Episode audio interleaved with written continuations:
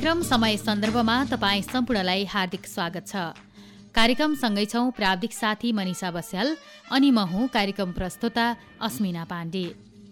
कार्यक्रम समय सन्दर्भ तपाईँले महिला समानताका लागि संचार अभियानद्वारा सञ्चालित महिलाहरूको सामूहिक आवाज सामुदायिक रेडियो मुक्ति पञ्चानब्बे थुप्लो पाँचको ध्वनि तरङ्गबाट ठिक यही समयमा सुन्दै आइरहनु भएको छ। तपाईँले हामीलाई रेडियो मुक्तिको website W dot radio Mukti dot ORG र मोबाइल एप्लिकेसनको हाम्रो पात्रमा रेडियो मुक्ति बुटुवाल सर्च गरेर पनि संसारभरिकै साथ सुनिरहनु भएको छ सुन्न सक्नुहुन्छ। कार्यक्रम समय सन्दर्भमा हामीले समसामयिक विषयवस्तुमा केन्द्रित रहेर छलफल बहस र जानकारी दिँदै आइरहेका छौँ। आजको बसाइमा भने हामी एकजना अतिथिसँग कार्यक्रम समय सन्दर्भमा उपस्थित भएका छौँ। विगत लामो समयदेखि खास गरी महिलाहरूको अधिकारको लडाईँमा लागिरहनुभएका र नेपालको राजनीतिमा आफ्नो छुट्टै पहिचान बनाउन सफल हुनुभएका र पछिल्लो समयमा फेरि विभिन्न पुस्तकहरू प्रकाशन गरेर भावी पुस्ताहरूलाई एउटा इतिहासको दस्तावेज बनाउने अभियानमा लागिरहनुभएका एकजना प्रखर व्यक्तित्व राजनीतिज्ञ लेखक डाक्टर बिन्दा पाण्डेसँग आजको बसाइमा हामीले कुराकानी गर्नेछौँ। आजको सन्दर्भ रहेको छ डाक्टर पाण्डेको धरतीमाथिको दाबी अधिकारको लडाई नामक पुस्तक बजारमा आएको छ। डाक्टर पाण्डेले धरतीमाथिको दाबी भनेर महिला अधिकारसँग जोडिएको विषयलाई यो पुस्तकमा उजागर गर्न खोजेको बताउनुहुन्छ।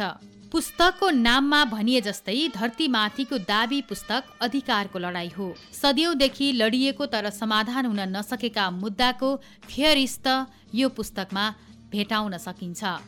चाहे वर्गीय लडाई होस् चाहे समानताको लडाई चाहे आर्थिक विपन्नता विरुद्धको लडाई होस् वा राजनीतिक सामाजिक सांस्कृतिक एवं विभेद विरुद्धको लडाई होस्। नेपालीहरूले समाजवादको बाटो हुँदै सबै किसिमका विभेद विरुद्ध मुक्ति खोजिरहेको यो पुस्तकमा उहाँले उजागर गर्न खोज्नु भएको छ। यो पुस्तक लेखिनुको उद्देश्य र यो पुस्तक कस्ता खालका पाठकहरूको लागि लक्षित गरिएको छ र अहिले पनि नेपालमा अधिकारको लडाइँ लड्नुपर्ने वातावरण किन सिर्जना भइरहेको छ त? हामीले छोटो प्रसङ्ग यहाँनिर कोट्याउन खोजेका छौँ। आउनुहोस् अब ढिला नगरिकन म स्वागत गर्दैछु आजका अतिथि। धरतीमाथिको दाबी अधिकारको लडाइँ नामक पुस्तकका लेखक हुनुहुन्छ डाक्टर बिन्दा पाण्डे। हजुर यहाँलाई कार्यक्रममा हार्दिक स्वागत बुटोलमा आइपुग्नु भएको छ। हामी अत्यन्तै खुसी पनि छौँ। महिलाहरूको हक अधिकार र महिलाहरूको क्षेत्रमा रहेर यहाँले उल्लेख्य योगदान गर्नुभएको छ। धेरै महिलाहरूको मनमुटुमा हाम्रो अधिकार हाम्रो बोली हाम्रो पीडा त साँच्चीकै सुन्ने मान्छे छ भन्ने एउटा अनुभूति यहाँबाट धेरै महिलाहरूले पाएका छौँ भनेर विभिन्न कार्यक्रममा बोल्नुहुन्छ। आज हामी फेरि यहाँले एउटा इतिहास भोलिका पुस्ताहरूले पनि यो इतिहासलाई हेरेर हाम्रा अग्रजहरू कस्ता हुनु रहेछ भन्ने एउटा प्रेरणा पाउनुहुनेछ भन्ने अपेक्षा पनि हामीले गरेका छौँ। अब सुरुवातीमा धरतीमाथिको दाबी अधिकारको लडाइँ भनेर यो पुस्तक आएको छ। छोटोमा यो पुस्तक कस्तो खालको पुस्तक हो? सबभन्दा पहिला त अब यो पुस्तकको बारेमा यहाँ रेडियोमा बोलाएर कुरा गर्ने अवसर मिलाउनु भयो। तपाईँहरूलाई धेरै धेरै धन्यवाद। र आज बुटोलमा जसरी चाहिँ यो पुस्तकमाथि चर्चा भयो त्यसमा चाहिँ पुस्तकमाथि नै पनि आफ्ना अनुभूतिहरू बोल्ने र समीक्षा गर्ने बाह्रजना हुनुहुन्थ्यो। अब त्यसमा सञ्चालकदेखि अध्यक्षता गर्नेदेखि म अहिले धन्यवाद दिनेसम्मका कुरा गर्दाखेरिमा पन्ध्रजना त्यहाँ बोल्ने स्थिति रह्यो।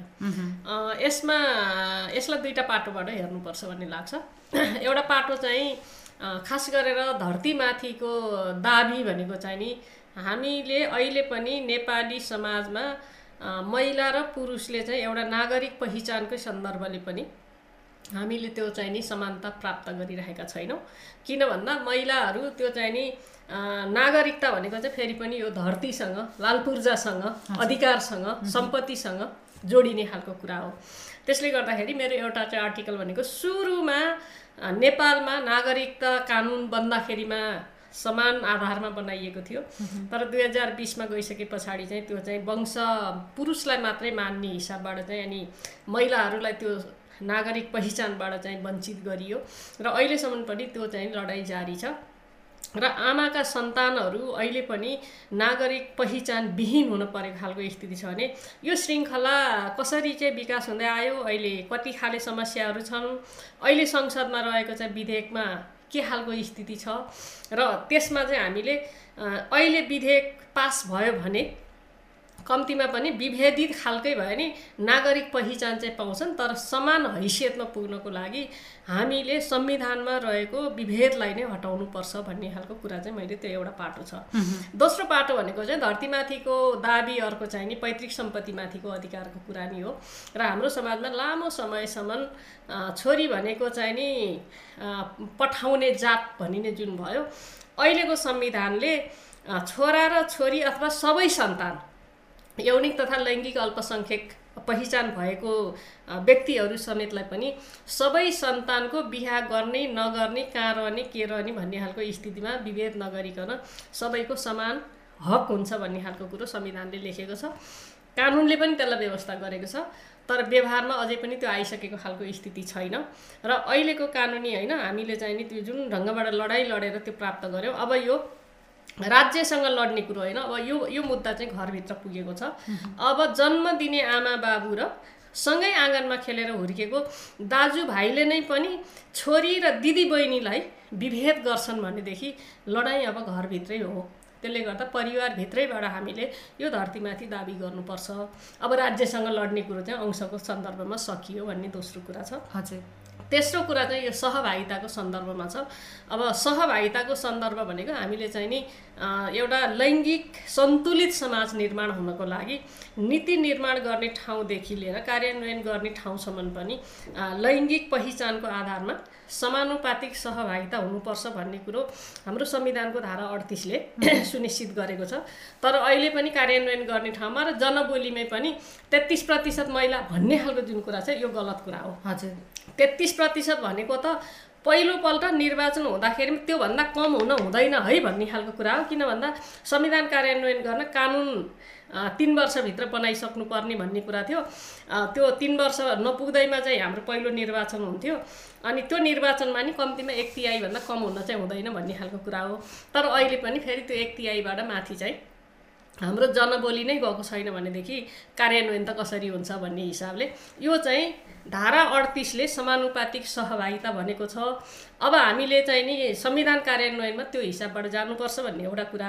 अर्को कुरा चाहिँ महिलाको भूमिका महिलाको भूमिका भनेर जुन माग गरिन्छ हामी जब निर्वाचित भएर गइसके पछाडि हामी चाहिँ नि हामी पालिकामा छौँ भने पालिकाको स्तरमा ओडामा छौँ भने ओडाको स्तरमा प्रदेशमा छौँ भने प्रदेश र सङ्घमा छौँ भने सङ्घीय स्तरमा। हामी त्यो तहको सबै नागरिकहरूको प्रतिनिधि हौँ भन्ने हिसाबले एकअर्कालाई बुझ्न पनि पर्छ र भूमिकाको कुरा हेर्ने हो भनेदेखि जुन जुन ठाउँमा महिलाहरू अहिले सहभागी भएका छन् खास गरेर मैले चाहिँ सङ्घीय संसदमा र संविधान सभामा तथ्याङ्कलाई नै अगाडि राखेर महिलाको भूमिका र पुरुषको भूमिका कस्तो रह्यो त भन्ने हिसाबले हेर्दाखेरि महिलाहरूको भूमिका कमजोर छैन भन्ने कुरा चाहिँ तथ्यमा नै बोलिएको अर्को एउटा आर्टिकल छ। त्यस पछाडि हाम्रो समाजमा जुन ढङ्गको चाहिँ अब महिला विरुद्धको अथवा लैङ्गिक हिंसा छ त्यो लैङ्गिक हिंसाको सन्दर्भमा नि कानुनहरू कस्ता बनेका छन्। अहिलेको समस्याको जरा के हो र त्यो जुन पितृसत्तात्मक संस्कार संस्कृति मूल्य मान्यता मानसिकता जुन खालको स्थिति छ यसलाई रूपान्तरण गर्नको लागि हामीले हाम्रा संयन्त्रहरूमा पनि परिवर्तन गर्नुपर्छ एउटा कुरा। त्यसमा हाम्रो के अरे का यो कार्यपालिकादेखि लिएर व्यवस्थापिका र न्यायपालिकासम्म पनि त्यो परिवर्तन गर्नुपर्छ। त्यहाँभित्रको सहभागिता पनि हामीले त्यही हिसाबले गर्नुपर्छ।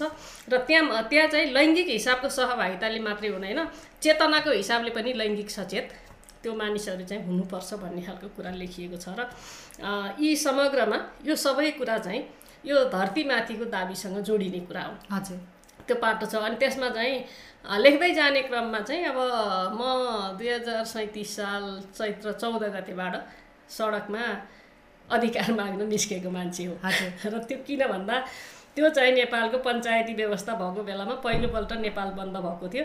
त्यो नेपाल बन्दमा चाहिँ नि म स्कुल पढ्दै गर्दा पनि जुलुसमा जानु पर्यो भन्ने खालको कुरा किन जाने जुलुसमा भन्दा? मेरो साथीहरूले त्यतिखेर होइन यो अनेरासो बिउले चाहिँ महिला र पुरुषको बिचमा चाहिँ समानताको कुरा गर्छ।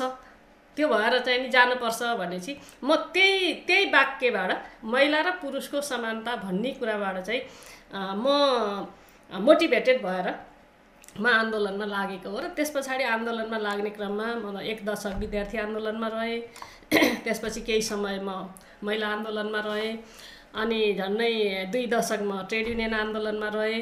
त्यस पछाडि अब राजनैतिक आन्दोलनमा रहेँ भन्दा त्यो आन्दोलनभित्र रहँदाखेरिमा हामीले कस्ता खालका चुनौतीहरू अनुभूति गर्नुपर्छ हाम्रो नेतृत्वको बुझाइ र अहिलेको समयको बिचमा कहाँनिर मेल भइरहेको छैन?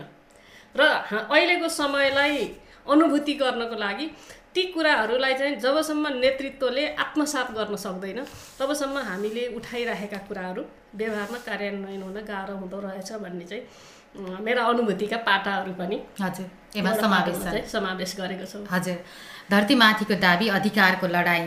नाम सुन्दा पनि एक किसिमको यो अधिकारको विषयमा यसले केही बोलेको छ भनेर पुस्तकको नामले पनि बोलेको छ र यहाँले पनि धेरै कुरा भनिसक्नु भएको छ। अब यो विभिन्न परिच्छेदमा यो पुस्तक तयार गर्नु भएको छ।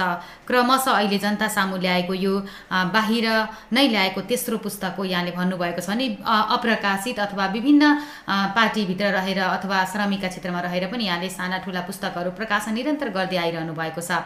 अब यो एउटा पुस्तक यो कति पृष्ठको पुस्तक छ? यसलाई चाहिँ कति लाग्यो यहाँलाई यो अध्ययन लेख्नको लागि? कति लाग्यो एउटा राजनीतिज्ञ मान्छे?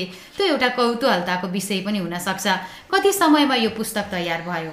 अब यो पुस्तक मैले यति बाक्लो होला जस्तो लागेको थिएँ सुरुमा लेख्दाखेरि। अहिले यो चाहिँ नि तिन सय चौवालिस पृष्ठको चाहिँ यो पुस्तक छ। अब समय चाहिँ नि एउटा चाहिँ अब हरेक कुरालाई हामीले सकारात्मक हिसाबले कसरी चाहिँ नि सदुपयोग गर्ने भन्ने कुरा नि हुँदो रहेछ। यो कोभिड उन्नाइस आइसके पछाडि हामी धेरै बाहिर हिँड्न सक्ने खालको स्थिति होइन? अब दैनिक हिसाबबाट चाहिँ भेला सभा प्रशिक्षण गर्न हिँड्ने पाउने स्थिति थिएन। र जुन बेलामा एउटा चाहिँ एक खालको हामी चाहिँ घरभित्र बन्दी भएर बस्नुपर्ने स्थिति हो त्यो स्थितिले मलाई धेरै साथ दियो।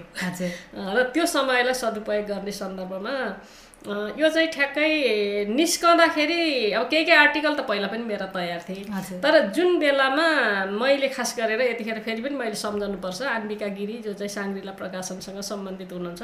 एक दिन कुराकानी गर्दै गर्दाखेरिमा अनि यस्तो यस्तो छ भनेर हामी चाहिँ अनुभव सेयरिङ गरिरहेको थियौँ। अनि गर्दाखेरि उहाँले होइन यसलाई चाहिँ किताब छापु न भन्नुभयो। अनि किताब अब संस्मरणको कुरो त फेरि हाम्रो एउटा ट्रेडिसन छ नि त। यो चाहिँ नि रिटायर लाइफमा गर्ने भनेर अलिक बेला भएको छैन कि भने चाहिँ हामी त परम्परा तोड्न लागेका हौ नि त। अहिले नै त्यो कुरो गरियो भनेको धेरै मान्छेले चाहिँ नि ती अवरोधहरू के रहेछन् कसरी लड्नु पर्दो रहेछ होइन कस्ता चाहिँ नि अवस्थाहरू पार गर्नुपर्छ भन्ने कुरो सिकाइले अरू धेरै नयाँ पुस्तालाई चाहिँ नि प्रेरित गर्न सक्छ भन्ने भइसकेपछि अनि लेख्न थाल्दा करिब त्यो त्यो कुरा गरेर किताब निकालौँ न त भनेपछि चाहिँ दस महिनामा निस्केको भनेपछि त छोटै समयमा ठुलो किताब। यो चाहिँ मेहनत कुन हुन्छ नि एउटा राजनीतिक पृष्ठभूमिको मान्छे राजनीतिको बारेमा पनि अपडेट भइरहन पर्ने मान्छे अधिकारको क्षेत्रमा हिँडिरहनु पर्ने मान्छे यही बेलामा लेख्नु पर्दछ भनेर पुस्तक लेख्नेहरूले समय छुट्याइरहनु भएको हुन्छ। बाँकी रहेका बाहेक अन्य कुराहरू अन्य आर्टिकलहरू चाहिँ कुन समयमा लेख्नुभयो? होइन म चाहिँ त्यो ठ्याक्कै यो समय यतिखेर भन्ने भन्दा नि अब केही केही चाहिँ नि मैले समय हेरेर पनि गर्छु होइन जस्तो गरी अन्तर्राष्ट्रिय श्रमिक महिला दिवस त्यस पछाडि जेठ सोह्र भनेको हाम्रो चाहिँ नि संसदबाट यो लैङ्गिक समानताको लागि चाहिँ नि प्रस्ताव पारित भएको दिनहरू हुन्। त्यो हिसाबले पनि मैले अलिकति रेगुलर चाहिँ त्यस्तो खालको लेख्थेँ। अहिले पछिल्लो चरणमा चाहिँ जब मैले मेरो पिएचडीको थेसिसमा अलिकति होइन गहिराइमा विभिन्न कुराहरू अध्ययन गरिसकेपछि जस्तो सती प्रथा अन्त्य भएको बेला जुन असार पच्चिस गते हो त्यो वरिपरिमा नि केही नै गतिविधि चाहिँ हामीले गरौँ न। किन भन्दा त्यो दिन त महिलाहरूले त जीवन पाएको दिन हो। हाम्रा चाहिँ नि होइन हजुरआमा जिजुआमाहरूले जीवन जिउन नपाउने खालको स्थितिको अन्त्य भएको त्यो चाहिँ नि महत्त्वपूर्ण दिन हो भन्ने खालको नि लाग्छ होइन। आर्टिकलहरू त्यसरी लेख्दा कतिपय चाहिँ आर्टिकल लेखिदिनुहोस् न यो विषयमा भनेपछि पनि अब लेखिन्छ। तर सामान्यतः यस्ता कुराहरू चाहिँ मलाई कुनै पनि घटनाले छोइसके पछाडि त्यसलाई चाहिँ सरसर्ती टिपोट चाहिँ गरेर राख्नुपर्छ भन्ने खालको हुन्छ र अनि पछाडि त्यसलाई पोलिसिङ गर्ने काम त पछि हुन्छ। र यही किताबहरू लेख्ने सन्दर्भमा पनि सामान्यतया चाहिँ म अब कसै धेरैले चाहिँ म बिहानको समय भन्नुहुन्छ। मेरो चाहिँ बेलुकी खाना खाइसके पछाडिको समय चाहिँ। अनि अब ठ्याक्कै ल्यापटपमा बस्दाखेरि अब कति बेलासम्म त्यो लेख्ने धुन चलिरहेको छ। त्यो धुन चलुन्जेलसम्म कहिले बाह्र एक बजीसम्म कहिले दुई बजीसम्म। धुन नचलेको बेलामा दस एघारै बजी पनि रोकिन्छ त्यो खालको नै रातको समयलाई चाहिँ आफ्नो समय मानेर अँध्यारोमा जुन किरीहरू पनि देखिन्छन् भनेको जस्तै। हजुर। यो अँध्यारोमा बसेर लेखिएको चाहिँ नि यी उज्याला अक्षरहरू हुन् भन्ने लाग्छ अवश्य पनि। यहाँले भनिसक्नु भएको छ संविधानमा पनि महिलाका अधिकारहरू धेरै सुनिश्चित भएका छन् तर कार्यान्वयनमा छैनन्। अब यसभित्र यहाँले पार्टीभित्र छिर्दाखेरि राजनीतिक क्षेत्रमा पनि महिलाहरूको अधिकारको लडाइँको कठिनाइको बारेमा पनि केही चर्चा गर्नुभएको छ।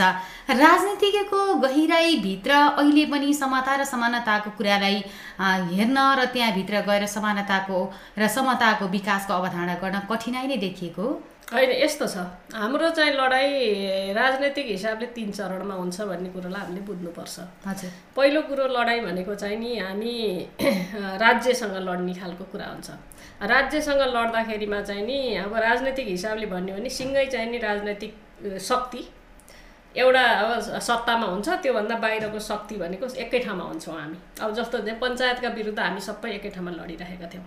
होइन किन भन्दा पञ्चायती व्यवस्था परिवर्तन गर्ने भनेपछि हामी त्यहाँ महिला पुरुष होइन दलित मधेसी अब जनजाति भन्ने खालको कुरा थिएन। यी सबैको कुरालाई समेटेर चाहिँ त्यो चाहिँ राज्य सत्तासँग लड्दाखेरिमा त्यो त्यो त्यो शक्तिले सबै कुरा समेटेर त्यो पहिलो लडाइँ हुन्छ। अनि त्यो चाहिँ जस्तो बैसठी त्रिसठीको आन्दोलनमा पनि त्यही भयो। सात सालको भनौँ छयालिस सालको भनौँ बैसठी त्रिसठीको आन्दोलन भनौँ। निरङ्कुश राज्य व्यवस्था भएको ठाउँमा चाहिँ नि लोकतन्त्रको लागि लड्दाखेरि हामी सबै ठाउँमा एकै ठाउँ हुन्छ त्यहाँ हामीलाई सजिलो हुन्छ। किन भन्दा सिङ्गै चाहिँ नेतृत्वले त्यो कुरो बोक्छ। तर जब त्यो चाहिँ नि प्रणाली परिवर्तन भइसक्छ अनि त्यो चाहिँ नि हिजो लडाइँ गरिराखेको शक्ति चाहिँ सत्तामा जान्छ त्यहाँ सत्तामा गइसकेपछि फेरि त्यहाँ महिला र पुरुषको बिचको एउटा खालको अर्को खालको चाहिँ लडाइँ अथवा लैङ्गिक लडाइँ एउटा होला। त्यसपछि घेरामा पारिएका कुनै पनि श्रमिक वर्ग र अब राज्य सत्तामा भएका अब राज्य सत्तामा भएका र चाहिँ किनारामा पारिएका लैङ्गिक समुदाय राज्य सत्तामा भएको र किनारामा पारिएको जातीय समुदाय अब त्यो खालको लडाइँ चाहिँ फेरि पनि त्यसमा सुरु हुन्छ। त्यसले गर्दा त्यो चाहिँ त्यो लडाइँ सत्तासँग मात्रै हुँदैन त्यो पार्टीभित्रै पनि सुरु हुन्छ। त्यसले गर्दा पार्टीभित्र पनि किनारामा पारिएका र प्रभुत्वशाली समुदाय भनेर जुन चाहिँ रहन्छ त्यो भित्र हुन्छ। अनि त्यस पछाडि अर्को लडाइँ चाहिँ त्यो जस्तो महिला महिलाको बिचमा जाति जात होइन त्यही जातिभित्रका चाहिँ बिचमा दलितहरूको भित्रै पनि जो चाहिँ नि अलिकति होइन के भन्छ नेतृत्वले भनेको मान्ने सुन्ने पक्षलाई चाहिँ फेरि फेरि त्यो त्यो पार्टीभित्र नि त्यो राज्य सत्ताभित्र नि त्यो चाहिँ सङ्घ सङ्गठनभित्र नि उसलाई चाहिँ अलिकति प्रिभिलेज दिने उसलाई चाहिँ अलिकति चाहिँ स्थान दिने खालको कुरा हुन्छ नि। त्यहाँ महिला र महिलाकै बिचमा नि पदका लागि पद कि एजेन्डासहितको पद भन्ने खालको कुरा चाहिँ फेरि पनि त्यहाँ आउँछ। त्यसले गर्दा हामी यो चाहिँ तिनटै चरणको कुरामा हामी कहाँनिर उभिने भन्ने खालको सोचमा स्पष्ट भएर अगाडि बढ्ने हो भनेदेखि हामी चाहिँ नि निरन्तर त्यो आफ्नो मुद्दालाई अगाडि बढाउन सक्छौँ।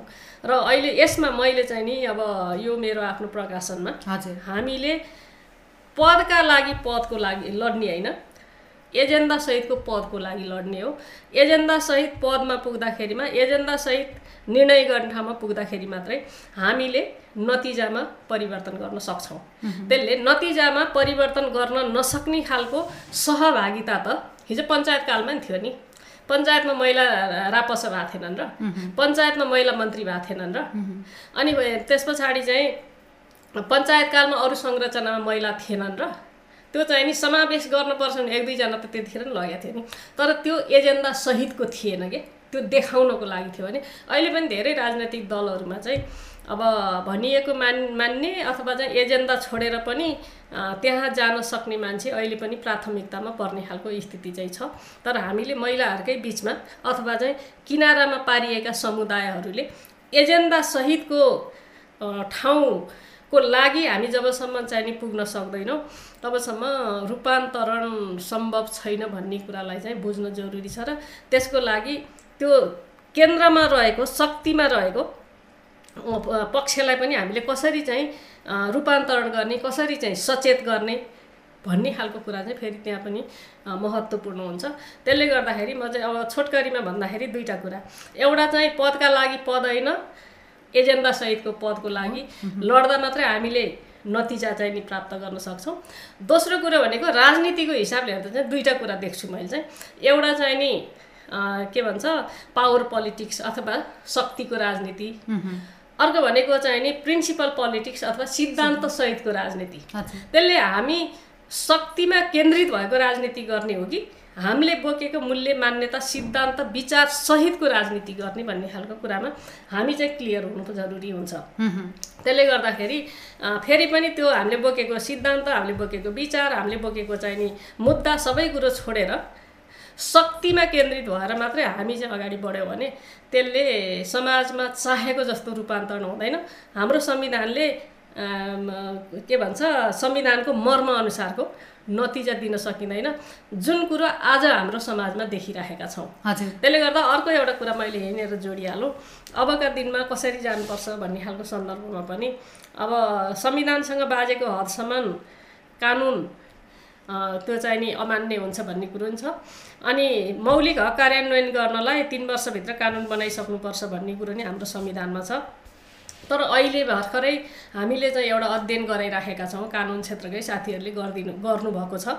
त्यसमा चाहिँ महिलाको हक भनेर संविधानको धारा अडतिससँग बाजिएका कानुन चाहिँ झन्डै चार दर्जन अहिले पनि रहेछ। र त्यो चार दर्जन कानुनलाई परिवर्तन गऱ्यौँ भने बल्ल त्यो हामीले महिलाको हक संवैधानिक हक अनुरूपको चाहिँ कानुन बनाउन सक्छौँ। त्यसलाई अब कार्यान्वयन गर्नको लागि त अझै पनि हामीले चाहिँ अरू अरू धे शक्ति लगाउनु पर्ने खालको स्थिति छँदैछ। त्यसले गर्दाखेरि मैले चाहिँ यो किताबमा नि भनेको छु। अब योगमायाहरू त्यसपछि त्यहाँदेखि आएर साहना दिदी बङ्गला दिदी होइन? पुस्ताले चाहिँ महिलाहरू पनि समान हैसियतका नागरिक हुनुपर्छ है भनेर गोरेटो खनिदिने काम गर्नुभयो। अनि त्यस पछाडि अब हाम्रो पुस्तासम्म आउँदाखेरिमा चाहिँ ती कुराहरूलाई हामीले संविधानमा लिपिबद्ध गर्नेसम्म काम हामीले गर्न सकेका छौँ। तर यो चाहिँ बैसठी त्रिसठीको आन्दोलनभन्दा पछाडि युवा अवस्थामा प्रवेश गरेका जो हाम्रा चाहिँ मतदाताको हैसियत पाएका नागरिकको हैसियत पाएका चाहिँ हाम्रा युवा पुस्ता छन्।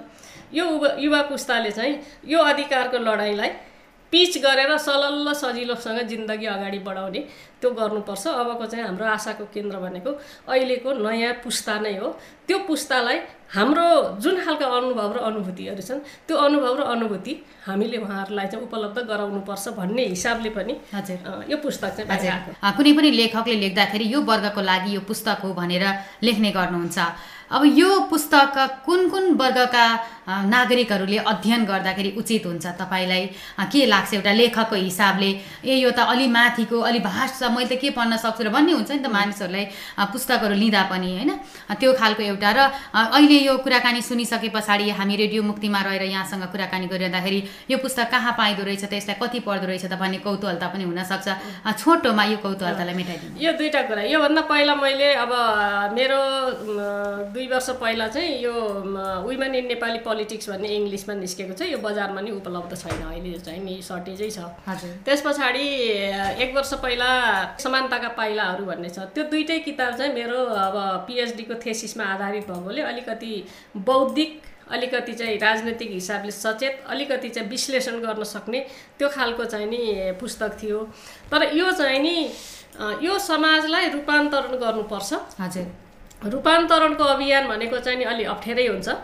त्यो अप्ठ्याराहरूमा पनि हामीले चाहिँ नि निराश भएर बस्ने होइन निराशाका टाउकामा टेकेर हामी चाहिँ नि आफ्नो लक्ष्यतर्फ बढ्नुपर्छ भनेर भनिने कुनै पनि वर्ग कुनै पनि समुदायका लागि यो किताब चाहिँ नि पठनीय छ भन्ने कुरो चाहिँ आजसम्म तिन ठाउँमा यो पुस्तक चर्चा भयो। त्यो पुस्तक चर्चा हुने ठाउँमा जो साथीहरूले समीक्षा गर्नुभयो उहाँहरूले त्यसो भन्नुभएकोले यो सरलै छ भन्ने मलाई लाग्छ।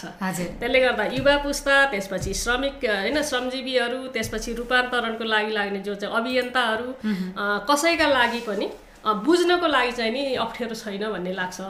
अब यसको मूल्य यो साङ्ग्रिला प्रकाशनले निकालेको हो होइन? यसको मूल्य चाहिँ नि अब पाँच सय पन्चानब्बे राख्नुभएको छ। र यो विभिन्न ठाउँमा खास गरेर चाहिँ यो सम्पूर्ण कि पुस्तक किताब भन्ने उहाँहरूको नेटवर्क छ। अब त्यसमा चाहिँ धेरै ठाउँमा पा पाइँदो रहेछ। त्यो झापामा नि छ विराटनगरमा नि छ चितवनमा नि छ। अब यहाँ चाहिँ नि यो हिमालय बुक्समा पाइन्छ बुटोलमा भन्ने छ। त्यस पछाडि अब पोखरामा पनि अब त्यो चाहिँ बुक मार्ट त्यस पछाडि त्यहाँ चाहिँ रिडर्स कर्नर जस्ता पसलहरूमा। काठमाडौँमा त प्रायः धेरै चाहिँ पुस्तक पसलमा पनि पाइन्छ र काठमाडौँमा चाहिँ अनलाइन पनि यो चाहिँ ए अब यो के किताब यात्रा डट कम अनि थुप्रै डट कम भन्ने जो जो चाहिँ नि त्यो हामीले अनलाइनबाट पनि अर्डर गर्नु पाउने ठाउँ छ। त्यहाँ पनि यो चाहिँ उपलब्ध छ भन्ने चाहिँ लाग्छ। यहाँको धरतीमाथिको दाबी अधिकारको लडाइँ पुस्तक चर्चित हुँदै जाओस्। धेरैले यो पुस्तक पढिसके पछाडि एउटा आफ्नो अधिकार कहाँबाट लिने रहेछ कहाँसम्म सङ्घर्ष हुँदो रहेछ जिन्दगीलाई हामीले कसरी रूपान्तरण गर्ने समाजलाई देशलाई कसरी रूपान्तरण गर्ने भन्ने एउटा अभियानमा साँच्चीकै सार्थक र एउटा इट्टा थप्न यसले थप टेवा पुग्नेछ भन्ने हामीले अपेक्षा लिँदै यहाँलाई यो पुस्तक प्रकाशन गरेर विभिन्न ठाउँमा दौड धुप्पा हुनुहुन्छ धेरै धेरै बधाई व्यक्त गर्न चाहन्छौँ हामी। आगामी दिनमा पनि आगामी पुस्ताहरूले अनुसरण गर्ने बाटो यहाँहरूले गोरेटो खनिदिँदै जानुहोला। त्यसमा युवा पुस्ताहरू लाग्नुहुनेछ र भोलिको भविष्य भोलिको देश हामीले साँच्चीकै समतामूलक समाज र समतामूलक अधिकारमा हामी जानेछौँ भन्ने अपेक्षा लिँदै महत्त्वपूर्ण समय निकै व्यस्त हुनुहुन्थ्यो। यहाँ अब हामीलाई हाम्रो एउटा निमन्त्रणलाई स्वीकार गरेर आएर धरतीमाथिको दाबी अधिकारको लडाइँ जुन पुस्तक यहाँले निकाल्नुभएछ यो माथि हामीले छोटो चर्चा गर्ने अवसर पाएका छौँ। यहाँप्रति हामी सम्पूर्ण टिम हार्दिक आभार व्यक्त गर्दछौँ। धन्यवाद। यो अवसरको लागि तपाईँहरूलाई धन्यवाद। र मेरो चाहिँ एउटा फेरि पनि यसको पाठकहरूलाई मेरो चाहिँ आग्रह होइन अनुरोध गर्न चाहन्छु। तपाईँहरूले यो पुस्तक पढिसके पछाडि यसमा ग्रहण गर्न पर्ने सकिने कुरा रहेछन् भनेदेखि ग्रहण गरिदिनुहोस्। र यसलाई सुधार्नु पर्ने अथवा चाहिँ यसमा अझै पनि चाहिँ यो कुरा चाहिँ अझ यसरी लेखेको भए हुन्थ्यो भन्ने खालको यहाँहरूका सुझाव छन् टिप्पणी छन् आलोचना छन् भने ती सुझाव आलोचना र टिप्पणीहरू चाहिँ पठाइदिनुहोस्। अब त्यसमा चाहिँ नि कुनै पनि माध्यम यहाँहरूले चाहिँ प्रयोग गर्न सक्नुहुन्छ। सामाजिक सञ्जालबाट पनि होइन मेसेन्जरबाट पनि पठाउन सक्नुहुन्छ। होइन नहुँदाखेरि सञ्चार माध्यममै पनि यहाँहरूले आफ्नो जुन खालको चाहिँ विचार छ त्यो विचार लेखेर दिनुभयो भनेदेखि म चाहिँ उहाँहरूप्रति आभारी पनि हुनेछु। तपाईँहरूप्रति पनि धेरै धेरै आभार छ हस् धन्यवाद। अवश्य पनि। कार्यक्रम समय सन्दर्भको संवादमा आजका अतिथिसँग रहेर हामीले नेपालको इतिहासमा सती प्रथादेखि अहिले लोकतान्त्रिक अधिकार प्रत्याभूति गर्ने बेलासम्म हामी आइपुगेका छौँ। तर अझै पनि अधिकारको लडाईँ अन्तिम बिन्दुसम्म हामी आइपुग्न सकेका छैनौँ। समानता समता र सबै नागरिकको अधिकार सुनिश्चित गर्नका लागि र सबै नागरिकहरूको अधिकार प्रत्याभूत गर्नका लागि अब तपाईँ हामी सबै एकजुट हुनुको विकल्प छैन। धरतीमाथिको दाबी पुस्तक तपाईँहरूलाई पनि अवसर मिल्यो भने अवश्य पढ्नुहोला जसले तपाईँ हाम्रा अधिकारको लडाईँ एक राजनीतिज्ञ लेखक र श्रमिकहरूको अधिकारमा योद्धाको रूपमा रहेर लडिरहनुभएका पात्रको जीवन कथा पनि समेटिएको छ। यही अनुरोधसँगै आजका लागि कार्यक्रम समय सन्दर्भलाई छुट्याइएको समय अवधि सकिएको छ। कार्यक्रम सुनेर साथ दिनुहुने तपाईँलाई धन्यवाद। व्यस्त समयका बावजुद रेडियो मुक्तिमा आएर आफ्ना कुराहरू हाम्रा जिज्ञासाहरू मेटाउने अतिथि डाक्टर बिन्दा पाण्डेलाई पनि धेरै धेरै आभार व्यक्त गर्दै आजको कार्यक्रम समय सन्दर्भबाट प्राविधिक साथी मनिषा बस्याल र म अस्मिना पाण्डे एकैसाथ बिदा हुन्छौँ। तपाईँ भने रेडियो मुक्ति सुन्दै रहनुहोला। नमस्ते शुभ दिन।